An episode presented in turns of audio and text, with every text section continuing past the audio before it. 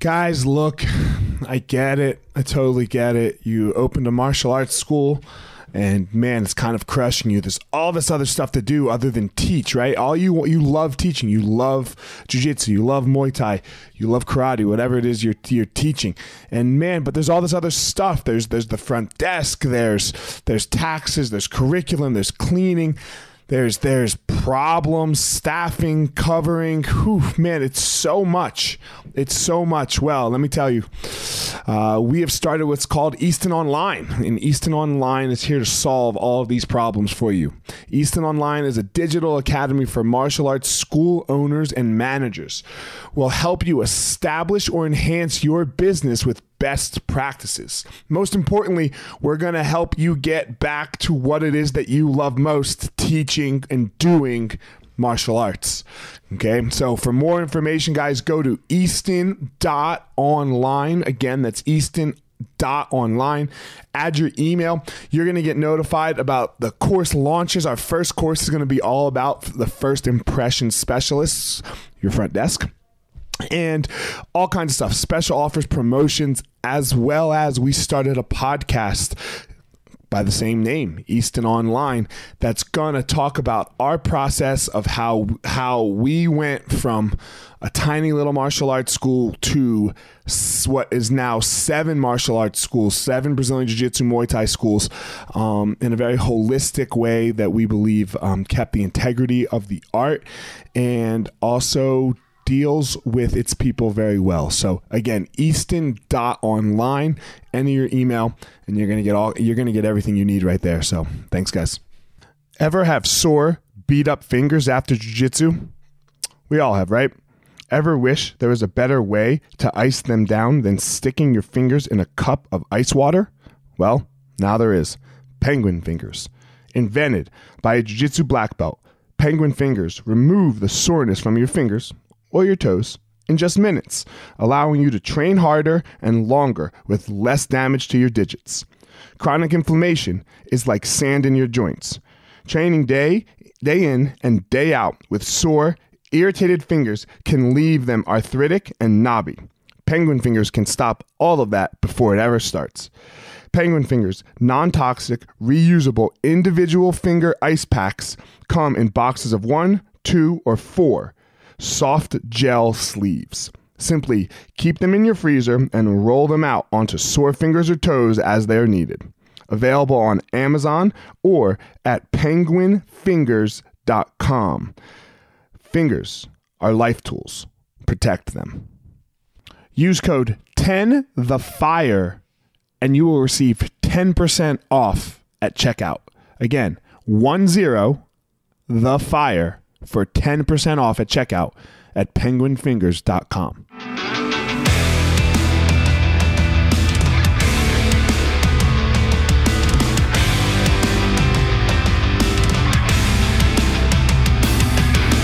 Hey guys, this is former UFC fighter Elliot Marshall, and this is the Gospel Fire, where we're going to go through the fire to learn how to live the best life possible.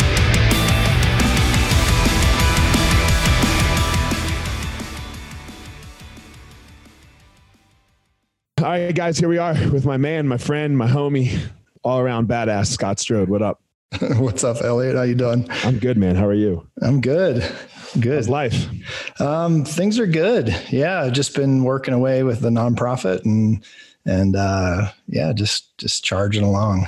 Man, like I think I've told you this multiple times, bro. The like the shirt you're wearing right now, sober like can everybody see it? So you know scott is a uh, do you still say recovering or do you say recovered? Um, either one is fine with me. Okay. um, i say i'm in recovery but uh right. But yeah, yeah they're both good. Um addict. And what i think the the best thing that i think you've done of all the things this is just my personal opinion obviously um that you've done out of all the things is normally this is such a a shameful thing for addicts. Like it's something that they don't want to talk about. Like they they want to hide from it. And I this wasn't me and blah blah. You know, you've taken it and you've created this culture with Phoenix where you like you guys like scream it to the world. Like, yeah, I'm an addict. Isn't it amazing that I got through that? That's how I take it. So yeah, yeah. I mean, I think it's um you know, I, I think that there's something powerful about us just being vulnerable about our whole story. You know, I think that that um, you know this idea that if people knew all of me would they still love me and and i think the best way to find out is put yourself out there yeah. and and by doing that you actually get to be be yourself maybe for the first time in your life um, so for me wearing this shirt you know, I don't think everybody's got to wear a shirt that that that says, you know, kind of um, about talks about some of the toughest times in their life. But I think if those of us that are willing make space for others to choose. You know, I think I think Joe Rogan. It's something that he says really well. He's like, everyone loves a success story, but what we love even better is to watch someone fall to the bottom and then climb back up to the top. Yeah. No, agreed. It's like Tiger Woods, right? Like he was at the top fell to the bottom. But man, last last year Sunday, the final Sunday of the Masters, tell me, find me five people that weren't rooting for that guy. Like his ex-wife was rooting for him. Right. Like, yeah, he, you know, like, cause it was amazing. And that, and that's kind of what you've done. So share your story a little bit, man. Like where, where did it start? Where'd you grow up and how did you get into it? How did you, how did you get into the, like, as you said, um, the worst parts of your life? Yeah, I um so I grew up in like rural Pennsylvania farmland and and uh my parents divorced when I was really young and and my dad struggles with mental illness and he kind of raised us about halftime when we were kids.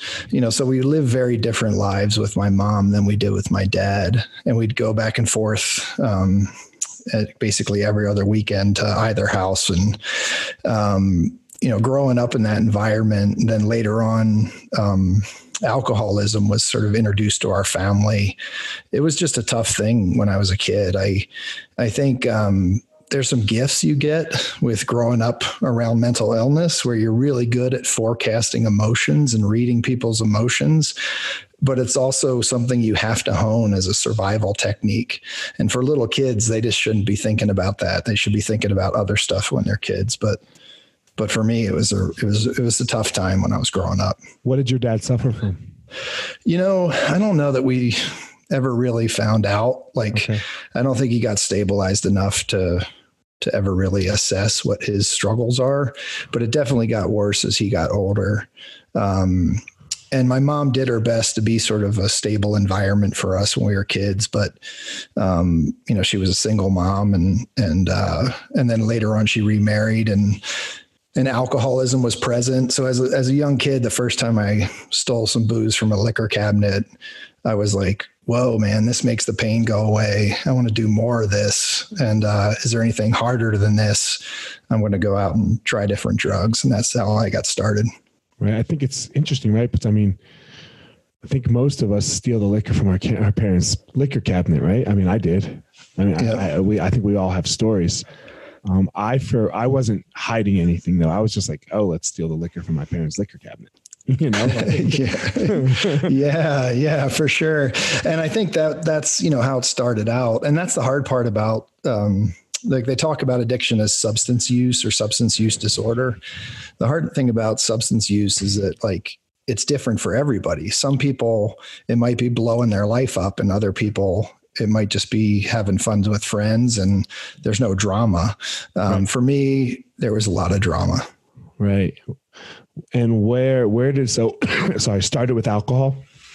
Yeah, it started with alcohol and then it was like the classic kind of route, you know, like started with alcohol. Then I found somebody who sold weed and I was buying weed and they had other stuff and I tried that and that was cocaine. And then I was doing coke and then I found a guy who smoked coke. Then we started smoking coke and next thing you know, just dabbling in a little crack cocaine and smoking cocaine, you know, like, um, you know, dabbling, dabbling a little crack, you know, it kind of becomes a, not really a recreational thing at some point when you're doing it by yourself in an alley, you know?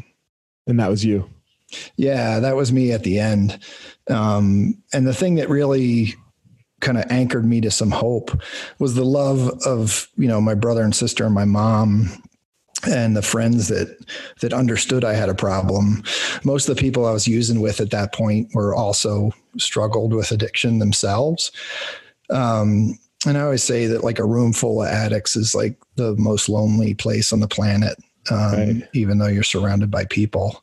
Um, but you know, it, it it's you kind of start these things happen slowly over time, and you kind of don't realize that your dreams are slipping away from you in life.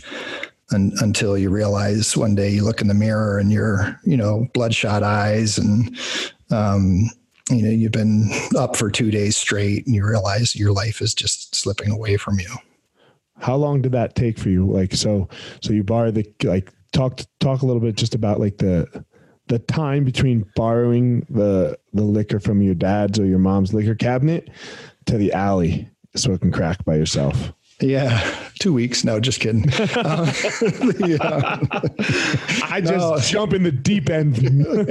I was 11 and I was, no, mm. um, I actually, that's about when I started, you know, probably 11, 11 started stealing booze. And then, um, by the time I was 15, I was using Coke and dealing with some pretty serious depression. And a lot of it was rooted in that ad- adverse experience or early childhood trauma stuff. And then, um, and then by the time I was 24, I would uh, I had quit using drugs for a bunch of years, but I was still drinking. But then my drinking got so bad, I'd I'd black out drunk and then buy drugs and and so about 24 I was living in Boston and you know going down to alleys and what used to be the combat zone to buy buy crack and buy cocaine right and you weren't um it's not like you had to grow up like that necessarily right like you weren't like you weren't like from the hood, like you were.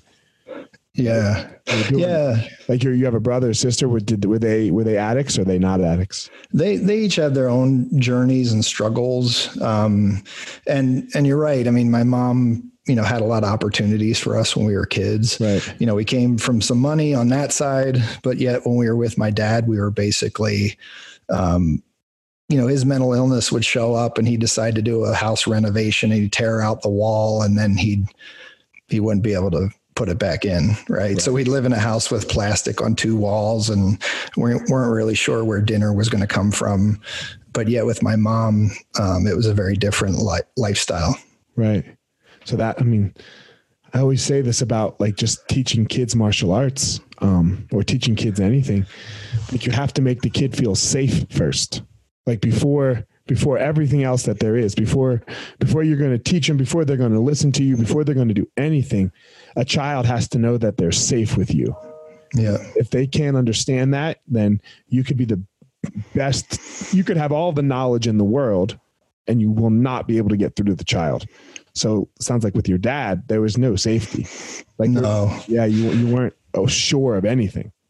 Yeah not at all. And i would go so far to say that that's how we work as adults too. You know, it's like you want to feel, um, you want to feel that there's a sense of trust there with people before you're going to be vulnerable.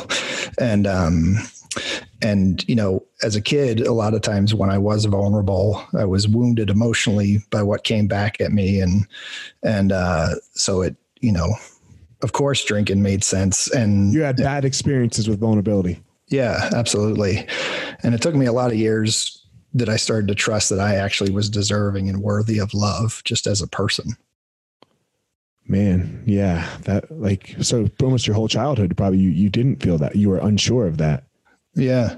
Yeah, and it's um you know, and and I don't want to make it sound like then I quit drinking and life was like awesome. you know, all of a sudden you get it all figured out. But um, you know, it was actually a boxing gym. You know, there were some guys got me into a boxing gym in Boston and there were a couple sober guys in that gym and that became my sort of um, new tribe that supported me right. um, and they believed in me even though i didn't yet believe in myself and that was really the beginning of what would later become the nonprofit that, that myself and some friends started. What what was this like for your family at the time right? Because i know man i guess here I, i'll be super vulnerable. Um like my sister's a mess and we, we just found out some craziness with my sister uh, you know or i did like a week ago two weeks ago. And it's just like jesus christ. And for me like uh uh like my like i just worry about my parents right? So i'm kind of like as as an older adult now like we're we're not 20 anymore. Like she did this 20 years ago from for her late mid to late teens till she was like 23 then it seemed like she got her shit together right? And now you know 35 36 years old here here, here we are again. And i want to be like you know what? I, fuck you. Right? Like fuck off. Like do you do you not see our dad? Do you not see our mom? Look look what you do to them Yeah. like, so how did your family handle this? Because I know I'm not handling it super great. Yeah, it's hard. I mean, it's hard. It's hard and um and family dynamics are really tough for anybody. You know, I don't think anybody's really grown up in that like perfect, you know, family that we're all aspiring to have, right? Like You mean you, you don't know that two and a half kids, white picket fence, have sex with your wife two and a half times a week, perfectly on the dot, and it's amazing with no problems. Dinner's cooked at six. Yeah, yeah. Whoever that person is is probably on their way to a divorce because it's, they're, they're they're making something up. You know what I mean? Like Yeah. they got it. They're not being real. But um, like I think the family dynamic is tough because in a family of origin, right? We we kind of become we play a part in the play, right? Right. Like that we're cast into that part, sort of, and it's it's hard over time because. Um, you know it, it's it's hard to change that role. And for me my family was really accepting but the friends that i was around weren't right? They were like um, you know I, I i wounded a lot of people in my addiction. You know i had had a lot of amends to make to my mom and my siblings but they deeply loved me and they you know forgave me. And it took time to build that trust again but they kind of let me back in the hard part is when you're holding up that mirror to your friends that you're with and you're using really hard and you're like hey man i think i might have a problem they're like no no man you're good you know because for for you to have a problem they would have to look at their own stuff too um, so it's really strange how your kind of peer group can kind of pull you back into addiction Yeah, man. I'm gonna go down the family route a little more. Just I think maybe because it hits home with me right now. Um, how am I ever going to trust my sister again? So how how did you? I mean, how how did your family trust you again? Like, what did that look like? Because I know, I mean, like she's going to tell me. Because for ten years, it looked like she's the last ten years of my sister looked like all right, you know, may, yeah, I don't know, right? But she's kind of got her shit together, but kind of doesn't have her shit together and then you know we then boom this big crazy story so i'm sure your family went through a lot of that with you right Yeah. like what does that look like? Just a day-to-day process? You know, I think I think it's like with withdrawing those healthy boundaries and kind of figuring out how far you can go to love somebody is is tough and it's really hard for families when people are in active addiction or struggling um, with whatever it is they're struggling with that's sort of self-destructive or destructive to people around them because it's not always drinking and drugs. Right. Sometimes it can be you know workaholism and sometimes it can be you know if i make this much money someday i'll be happy or or if i look like this someday i'll be happy or this many followers or whatever it is. But i think it's um setting a boundary that protects the things that are important to you and then loving that person in that space up to that line right? Like like ultimately with my father i had to get to a place where i can actually love him more by not having him in my life. And and some people are like well he won't be here forever. You should try to make amends. I was like dude you don't really know him. Like it doesn't work like that. Like um, so i think with your sister you just got to figure out like i can show up in a relationship with her to this point but after that uh, this is where i need healthy boundaries. And if she doesn't show up for me in the way that i need then she's making a choice. It's not it's not you. Does that make sense? Uh, that was really good. Like you know yeah here's my here's my here's where i am. Right? Yeah. I read this book called chasing the scream. Have you read it?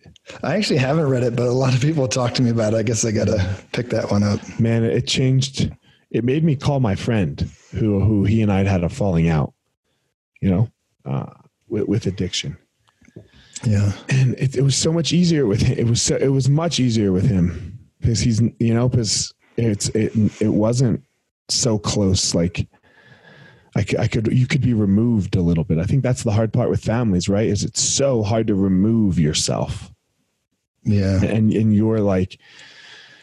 You know, because I'm like watching my parents, and it's and like, ugh, they're my parents too, right? Yeah, like, yeah. you know, it's yeah. not it's not just like it's her parents. Yep, and there's an allegiance there to that you feel to protect them too. Yeah, you know, so there's, it it it's can makes makes it feel conflicted. You know, right? They're 70 years old, right? Yeah, yeah. They don't. Who needs this at the end of their life? Yeah, I know.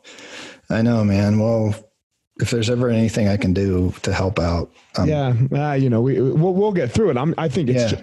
it's good to talk about, right? Because I'm sure there's other people that are dealing with exactly my issue and and we'll, we'll you know and your issue and like so I guess like what what was it like for your siblings? You know? Yeah. Well, I think I mean I think for them they were they had their own stuff they went through, you know. Okay. So we it was it was probably hardest for my sister because she was, you know, in some ways the attention she got when we were younger was was drawn away from her because my brother and I were you know, we were train wrecks at times, you know. So it was easy for the family to focus in on us because we were we were making the most noise. Um, but you know, that's where some of my amends were or is around just sort of um, how it affected her when she was when she was growing up around that. And how much older are you than her, or is she older? She she's older than me. Okay. My brother's the oldest, and okay. she's in the middle. Um, so what's the age differences? Um, I'm five years from my brother, and my sister's right in between. So okay, so, so two and a half. So yeah. two and a half, like two and a half each way. Okay. Yeah, yeah. But we're we're all pretty close now, and and you know the one thing is like the it was tough when we were kids, but that stuff actually bonded us really close because we went through it together. You know, we were kind of each other's support network. And I think that's sort of something you experience. You know, I mean, you know this from, mm-hmm. from jujitsu and any kind of martial art. Like when you're kind of facing that greater adversity, even if it's just the randori session, you know, like it builds a bond between people and that in that bond you find some support. Struggle we, brings people together. Yeah, yeah, it does. And I found that with my siblings, and that's also a big part of the nonprofit of the Phoenix. Right. Yeah. So let's let's talk about the Phoenix because man, it's amazing. You uh you took this awful thing that you went through and now you've uh I, I, mean, I'm looking at from the outside, so please, I hope don't, so don't get mad at me when I say this. like, fuck, it's almost, it was almost worth it. you know, like you, it, it's more than worth it from from where I'm. I don't know from where you're sitting, right? Because you're the one who had to deal with it. But me, as the person who just gets to look at the amazingness of what it is that you do and what it is that you do for people, like, I mean, I get. I, I don't know. You tell me. Yeah. Well, I think it's. I mean, I actually have listened to your podcast before, and I think it's you're you're in a similar place in this. You've gotten to have some extreme experiences in your life, oh, you yeah. know, and not all the same, not quite the same as smoking crack, maybe, but the, um, but, but uh, you know the you know being in the UFC and and and helping be a mentor to so many people in martial arts, and um, you know you you have gotten perspective on things that a lot of people don't get to see inside of. Right. and that you get to share that you know I, I always like the quote that wisdom is what you get a second after you needed it. Um, one more time. Wisdom is what you get a second, a second after you needed you it. Need it. Oh fuck yeah. So um, but you know that was hold on from- hold on hold on. Wait wait i gotta write that down. That was too good. Hold on hold on. One more time. I'm going into my notes right now. Wisdom is what you get a second after you needed it. Wisdom is what you get a second after you needed it. Boom that's amazing yeah, I like that one. I don't know who said it, but somebody doesn't matter. that that person. yeah. Good job. Good job, that person. Yeah. But um, but uh, I think that addiction. You know, I always kind of believe that like walking in the dark allows you to appreciate the light so oh, much yeah. more, and um, and I felt I really do feel like getting into recovery was like getting out of a burning building for me, and how can you walk away if you know other people are in there? You know you got to go back and help try to get people out and that's just a big you know, kind of anchor in the recovery community is being of service to others because you know how hard it is. Yeah, right. Like they're there. So how, like if you know if you know someone's dying, like it's one thing if you don't know. Yeah. But once once you know, you can't just leave them there to die. No. That's I I see it.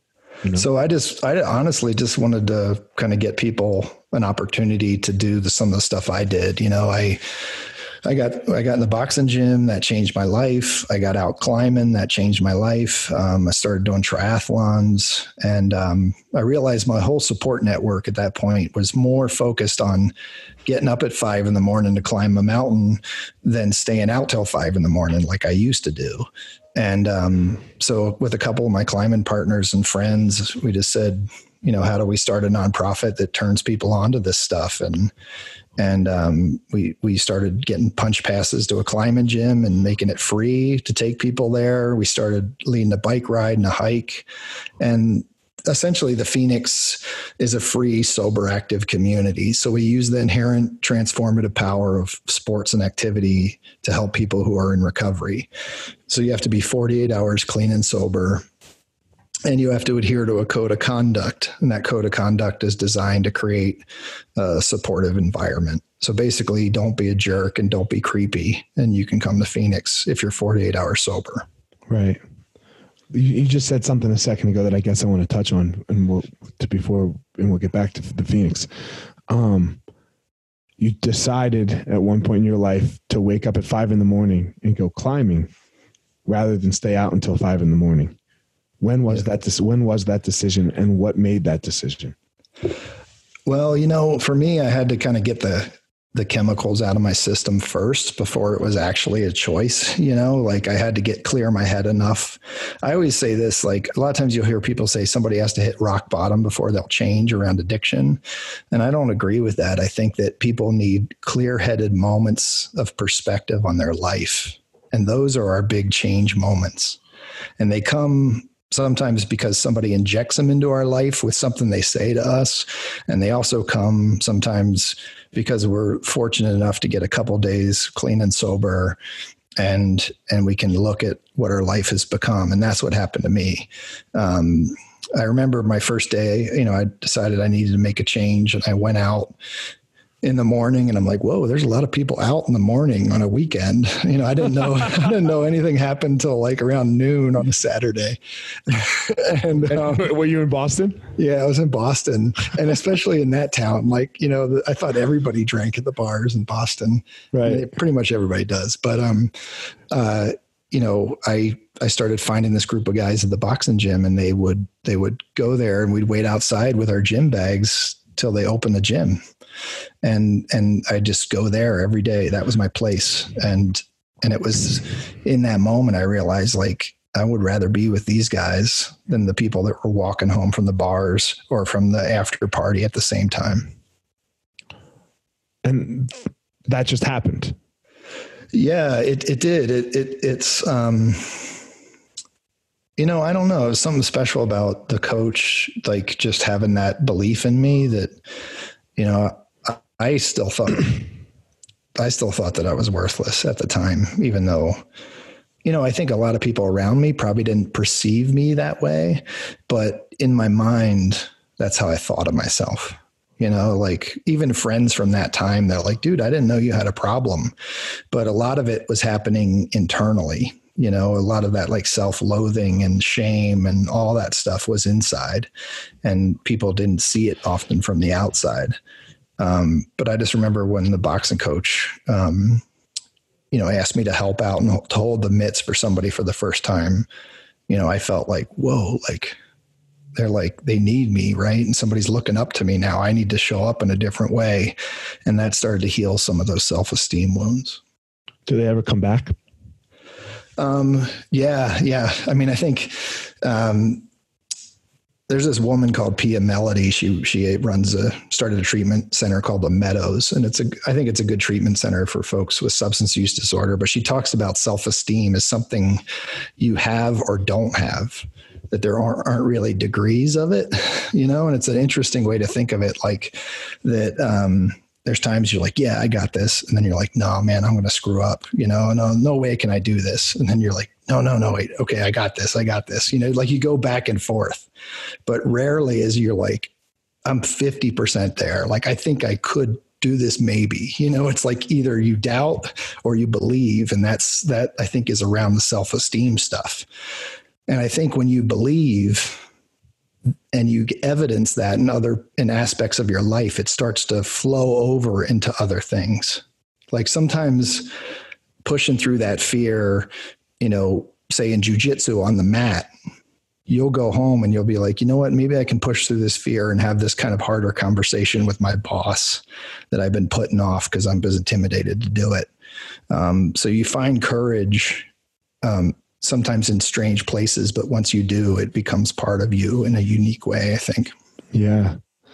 Sometimes, mm, like for me, I'll, I'll give an, like an example of what I, I guess what I mean by like yourself is like the, it doesn't come back. Um, and, and I totally understand what you're saying there with like, you know, like you, you build it, you, you get a glimpse of it and then it builds and builds and builds. Right. Yep. But like, you know, uh, yesterday I was out in my garage working out. I love working out in the garage. It's my favorite place to work out.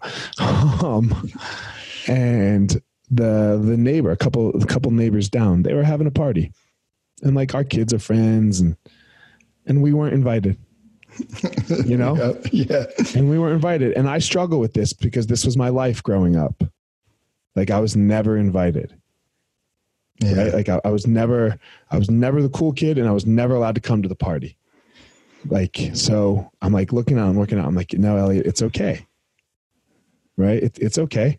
Like that, this, this says nothing about you you know yeah. like this doesn't mean that i won't have friends anymore or this doesn't mean that yada yada or all these things and for um for me i'm coming i take lexapro and i'm coming down right i'm trying to see if i can get off of it yeah. So it's a motherfucker getting off of it. It is. oh my! It's it's. I've had lots of friends go through it, and it's it's it's a journey. It's sure. a journey. I don't think I thought it was going to be fast. It ain't going to be fast, man.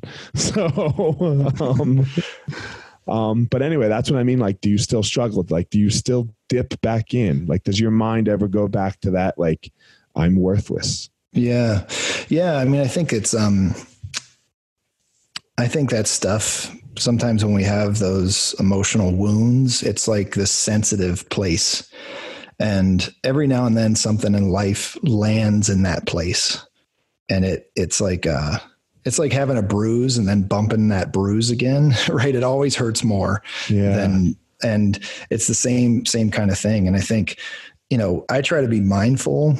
I don't think I can take away that uh like personalization or emotional response because those wounds were inflicted with such emotional um, power.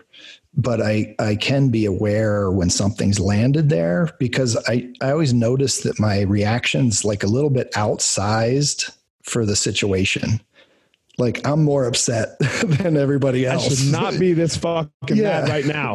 right, right, totally. Because because you know, you, on another day you could drive by and be like, "Oh, thank God we didn't have to go to that party. I just want right. to go home and chill." Yeah, you know, no, of course, of course. right. I didn't want to go to the party, man. right. Oh, I, I, I didn't want to go at all. I wanted to work out and then go sit on my couch and watch football. Right. Yeah, but but when stuff lands there, it brings up that that old stuff um, you know, and I think that's um, the the for me around those adverse experiences as a kid, like when my dad would say stuff about me and kind of chip away at my self esteem when I was really little. Um, it was powerful, right? That was my dad. That was actually the only person I was aware of in the world, you know, besides my mom, right? That's like God, man. Yeah, you know? yeah. And there's two of them as a kid: your mom and your dad. Right. You don't understand there's other things in the world and there's other things influencing his life. All you know is is that, you know, I believe this blame belongs with me. And and you know, so even though cognitively, you know, I know that I have value and am deserving of love now. You know, for years later, when I would deal with a guy who was like kind of the age of my dad, it was tough you know, I was always anything they'd say, I was, I would like take it to heart and feel like I did something wrong or feel like something was wrong with me. And it took me years to kind of unweave that from the fabric of who I was. And honestly, that's where, like, for me, crossing finish lines and, and, you know, in triathlons or standing on top of mountains or, you know, getting in the ring for the first time or whatever it was started to evidence to me that that narrative he shared with me when I was a kid wasn't true. Yeah, man. Do you um are you religious? Because I know a lot of people like they go the very like when you go when you do the sober thing, it's like, you know, you you put your trust in God. Like is that part of it for you or is that and I know this is a touchy subject, I'm sorry. No, no, it's fine. You know, um, no, I'm not. I mean, I'm I you know, my mom took us to church when we were kids and she's like, Do you want to keep going? And we were like, No, you know, and she was like, All right. So that was about our only exposure to it. But uh um I don't know, know, that I've ever met a kid that said yes. right. Yeah, exactly. Um so so I'm not, but I am, you know, I I think that um I was I, I got to when I got sober and started climbing, I had a chance to go climb in Nepal. So we went to the Himalayas, a couple buddies and I, and we were over there and got exposed to Buddhism and and that particular type of Buddhism kind of believes that that no one can reach enlightenment right. until everyone does. So there's this sense of like service to others to help people on that journey and that stuck with me. So even though faith wasn't part of my life, like I don't know, that's something I think about that we're all really connected, um, and that that we are here to be of service in some way to others. Yeah, I've I've landed there as well. You know, um, through through struggle, right? Through through struggle, through difficult times. Like, what's the point of all of this? You know, it can't be to argue about these these topics. It's got to be to do to get through them together. You yeah. know? And, yeah. Um, yeah. I'm super into Buddhism right now. You know, I'm, yeah. I'm, reading a lot of Buddhism. I have a friend who's super into it. So, um, do you meditate? Do you do things like that? Um, I'm I'm trying. Like I got one of the meditation apps for your phone that like reminds you to meditate, and honestly, it helps me a lot. Yeah, Do you? Uh, do I? Oh yeah. I just uh, so the podcast that came out today is with this guy who was a I didn't even know him. Um, I got introduced through somebody else I did a podcast with, and he he's this huge met yogi and this meditator, American guy too. Um, and he changed my life with meditation. He does this thing called heart rate variability med- meditation. So there's no pause. It's like, and it's all the, it's all through your nose. It's mm-hmm. like in breath for five and out breath for six. And then immediate, like you know like so there's yeah. no pause you know and dude you get to this thing it's fucking crazy man. It's called the freeze where like huh. you are you're just frozen. It's so nuts. Like i i mean it sounds hokey i know it sounds totally hokey but like like the first day i didn't do it well. Like I, I did it but like you're too worried if you're doing it right Right. You know, like yeah. the first day, like, oh shit, oh shit, I took a pause. Fuck, I fucked the whole thing up, you know? yeah, yeah. But like the second day, I didn't worry as much. Like I was just calmer about the whole situation. And dude, I was like, whoa, what was that? Yeah. And, and man, I, I, and I used to, I, I mean, I've meditated, I'd say for the last three years, I probably meditated 90% of the days. So, yeah. And this, like, this rocked my world. This rocked uh, my world last week. It was amazing. That's an that's awesome, and there's a lot of evidence actually around. Um, there's a, a around adverse childhood experience stuff, and I'm not saying Mm-hmm. that this is what you're working through. But for me, like the meditation actually can help kind of bring you back and, and be present and, and, um, clear that sort of stress that you know, we get, to, you know, it's always amazing what, how you wake up in the morning, often kind of not as worried as how you went to sleep. And it's like you get to reset overnight. And I think meditation is just like a little dose of that during the day. I feel like I, as I get better at it too, like I don't need even like throughout my day, I can just take a couple breaths to, to have the reset happen, which is really nice. Yeah, that's awesome. I'm gonna have to. Ch- you have to tell me more about it. I'll send you a link. done. Yeah, no, it's amazing, man. Like I don't, I don't know. Between, uh, you know, I don't know if you know him, big tall Alex. He's like as tall as you. He's bald too. He's got a bigger beard. Um, between him getting me to sit up and meditate and Uh, and this, this, it's yeah, it's kind of changed my world. I really love it. Um, so uh, I'll send you the link. Nice. it's called the sure. heart rate variability. Yeah. Um, but so let's get back to the Phoenix now. So you guys figure, you know, you and some buddies, right? You and some buddies are like, all right, you know, let's let's let's let's go back into other people's darknesses and, and help them, you know. Yeah, I, I mean, I think the, you know, um, I say this a lot, but like one thing I really do believe is like from a from the top of a mountain, you see something in yourself that you can't see from down here, and um, so we just thought, how do we take some more people up a mountain with us? And literally, you know, we started uh, taking people out climbing and and uh, getting people training for triathlons and raced mountain bikes and all this stuff. And um, we started a little over 12 years ago, and we were we had 60 people come. We were in Boulder, Colorado at the time, and we've now just opened in our um, 23rd state now with programs, and we've served over 33,000 people with free recovery support since we started 12 years ago. Dude, a real life coach. That's what I call a life coach. I hate these people that call themselves life coaches, you know, because man, what do you mean you're a life coach? Look, this is how I did it. I, I don't know. Any, I don't know anything else right? Yeah. I don't know a whole lot. What I know is taking people to the top of a mountain. What you just said, you can see yourself in a different light.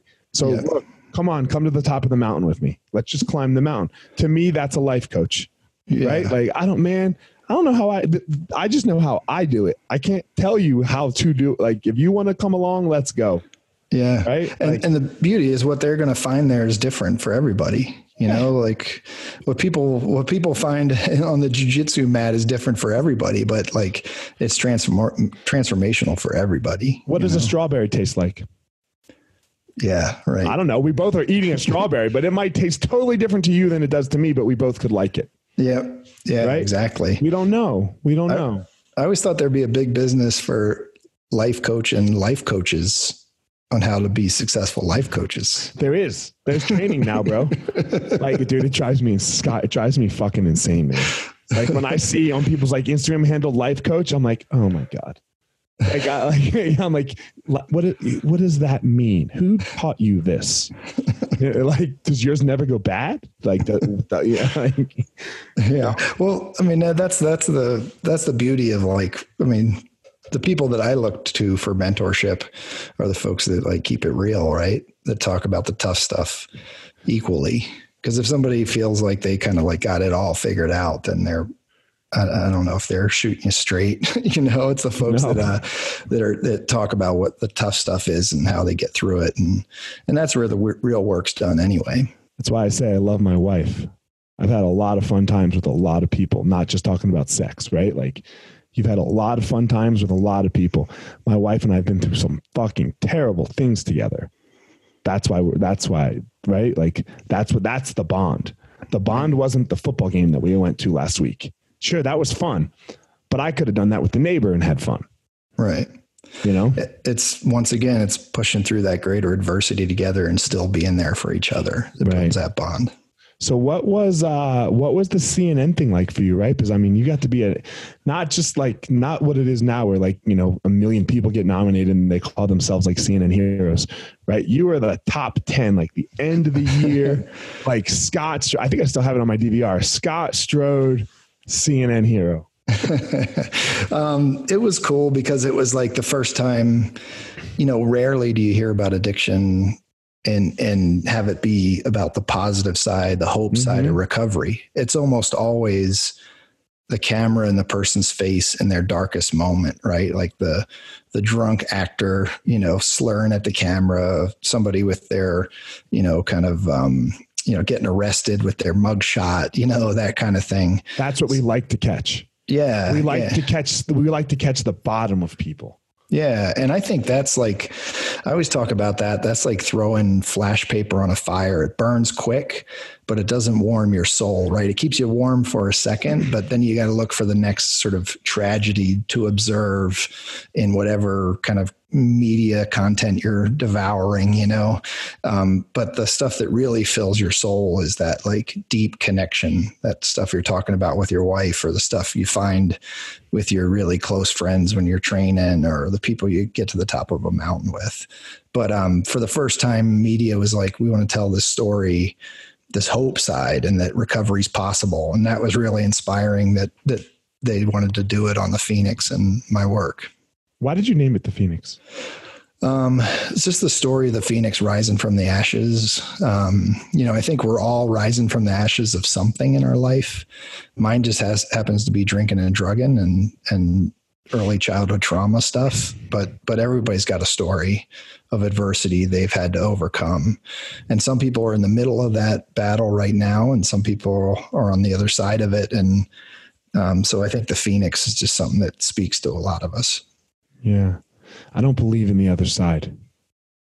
Yeah. You know, I believe I'm always in the middle. Like my, my, my devil's anxiety, you know, like that's my demon. And yeah, I just wake up and I, I am, you know, it's like your shirt, you're sober but yeah. you know, but you you're very aware of what the other side looks like. Yeah. Right. You're you're very aware of the of the flip side of today. yeah. You know. So I I yeah, like I, I kind of almost like embrace that. You know, yeah. Like of like all right, and it's it's just one day at a time, right? And that's that's the I, I treat my anxiety like I think a lot of people treat addiction. One day at a time. I got to go earn it today.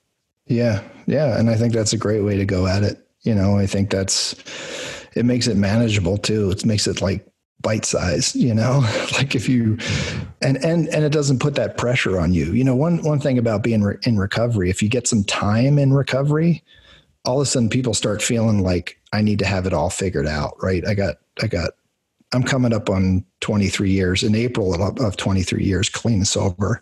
And, and it doesn't mean that I'm any smarter or further along than anybody else. It just means I've linked together uh, you know, more of those, you know, one day at a time. One day at a time, 23 consecutive years in a row. Yeah. Right? Yeah. And if I can stay in that humility, you know, it's like it's better to be humble than humbled. Um,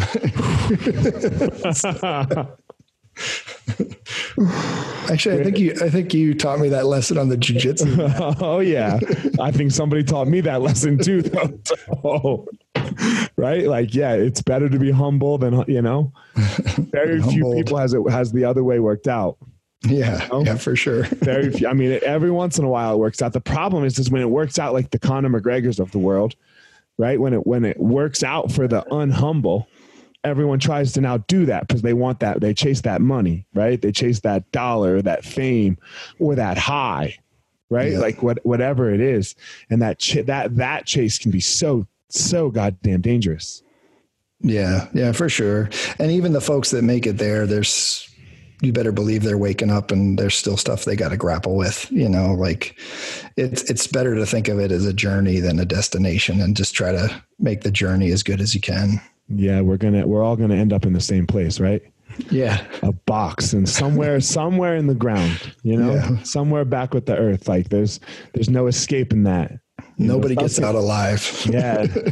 Suskin said to me the other day, we were talking about something. You know, you know Sus, right? Yeah.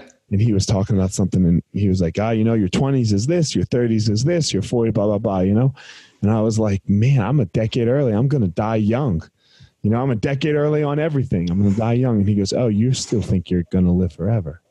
He's like, "You're acting like you're gonna escape death." And I was like, "Oh shit."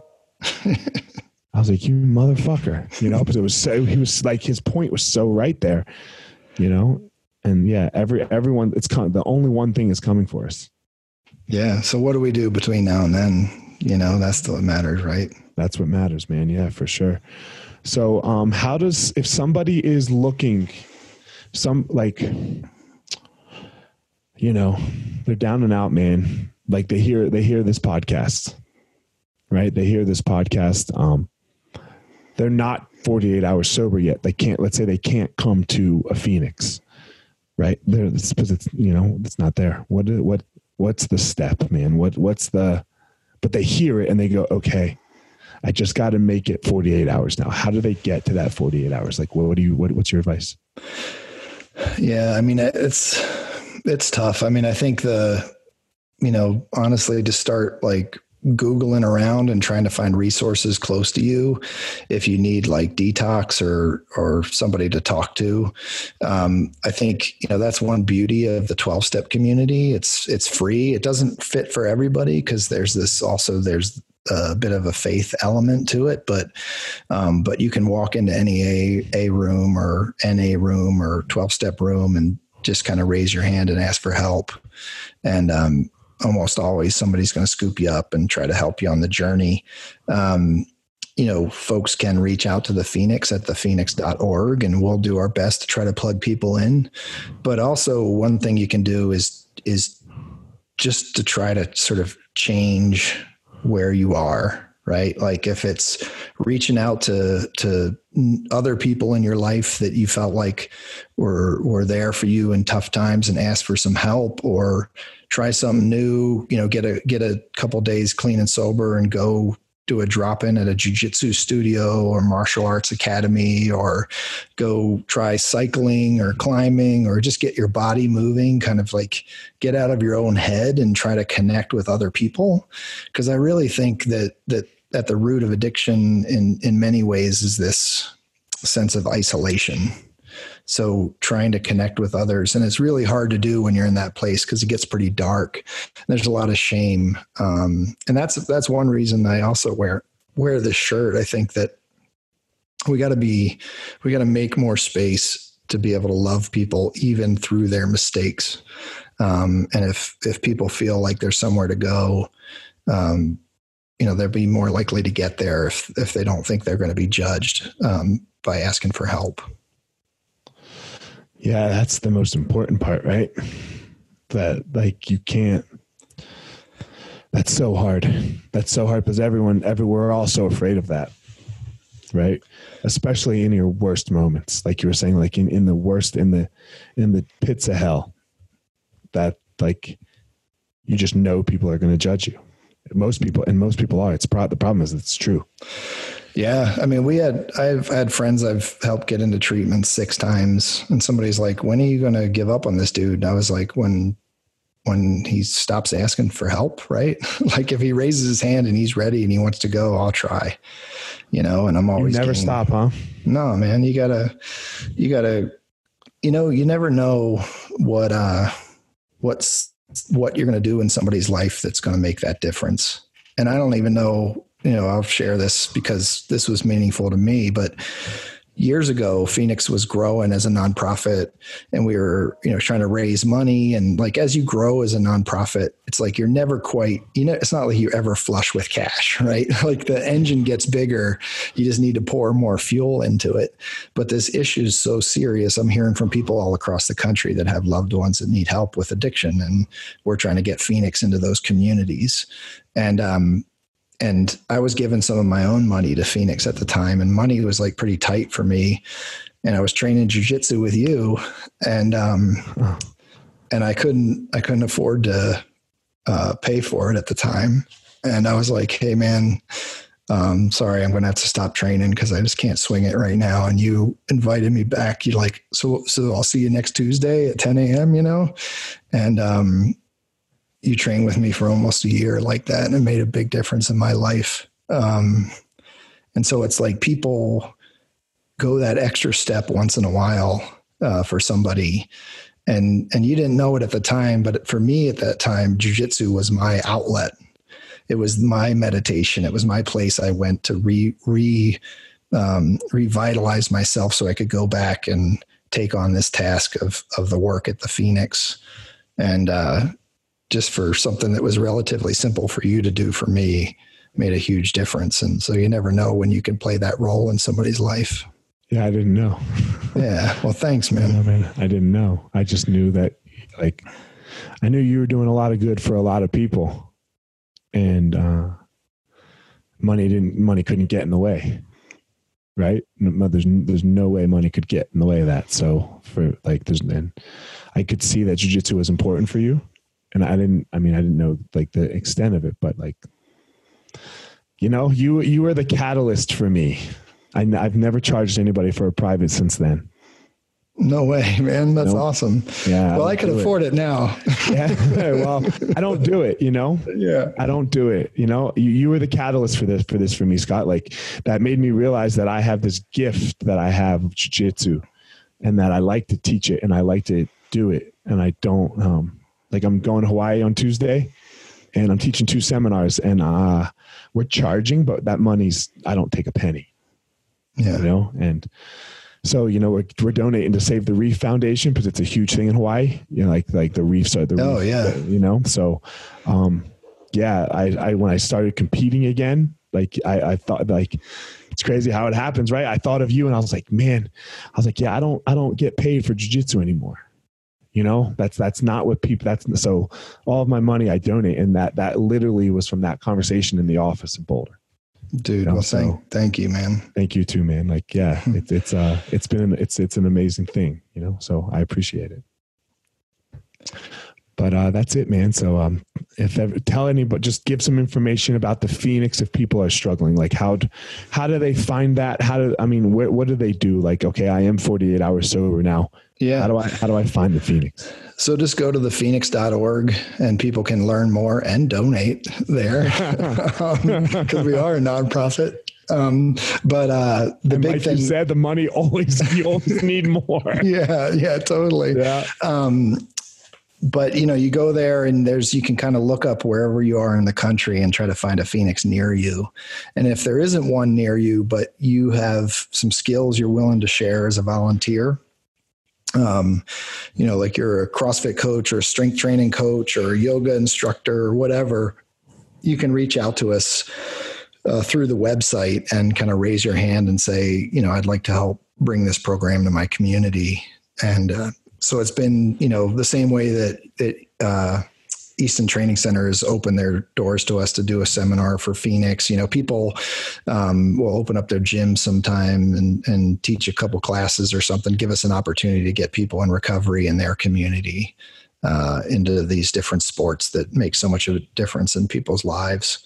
Um, so you can either get involved by volunteering your time to be a coach or a trainer. You can also um, go there to come to a Phoenix event. Um, and like I said, they're all free. You have to be 48 hours sober. Um, and all of our contact info is on there if people have questions or they need some guidance on how to get into recovery. Sounds good. I'll put it in the show notes so um, people can find it. Uh, I appreciate it, man. You're the man, bro.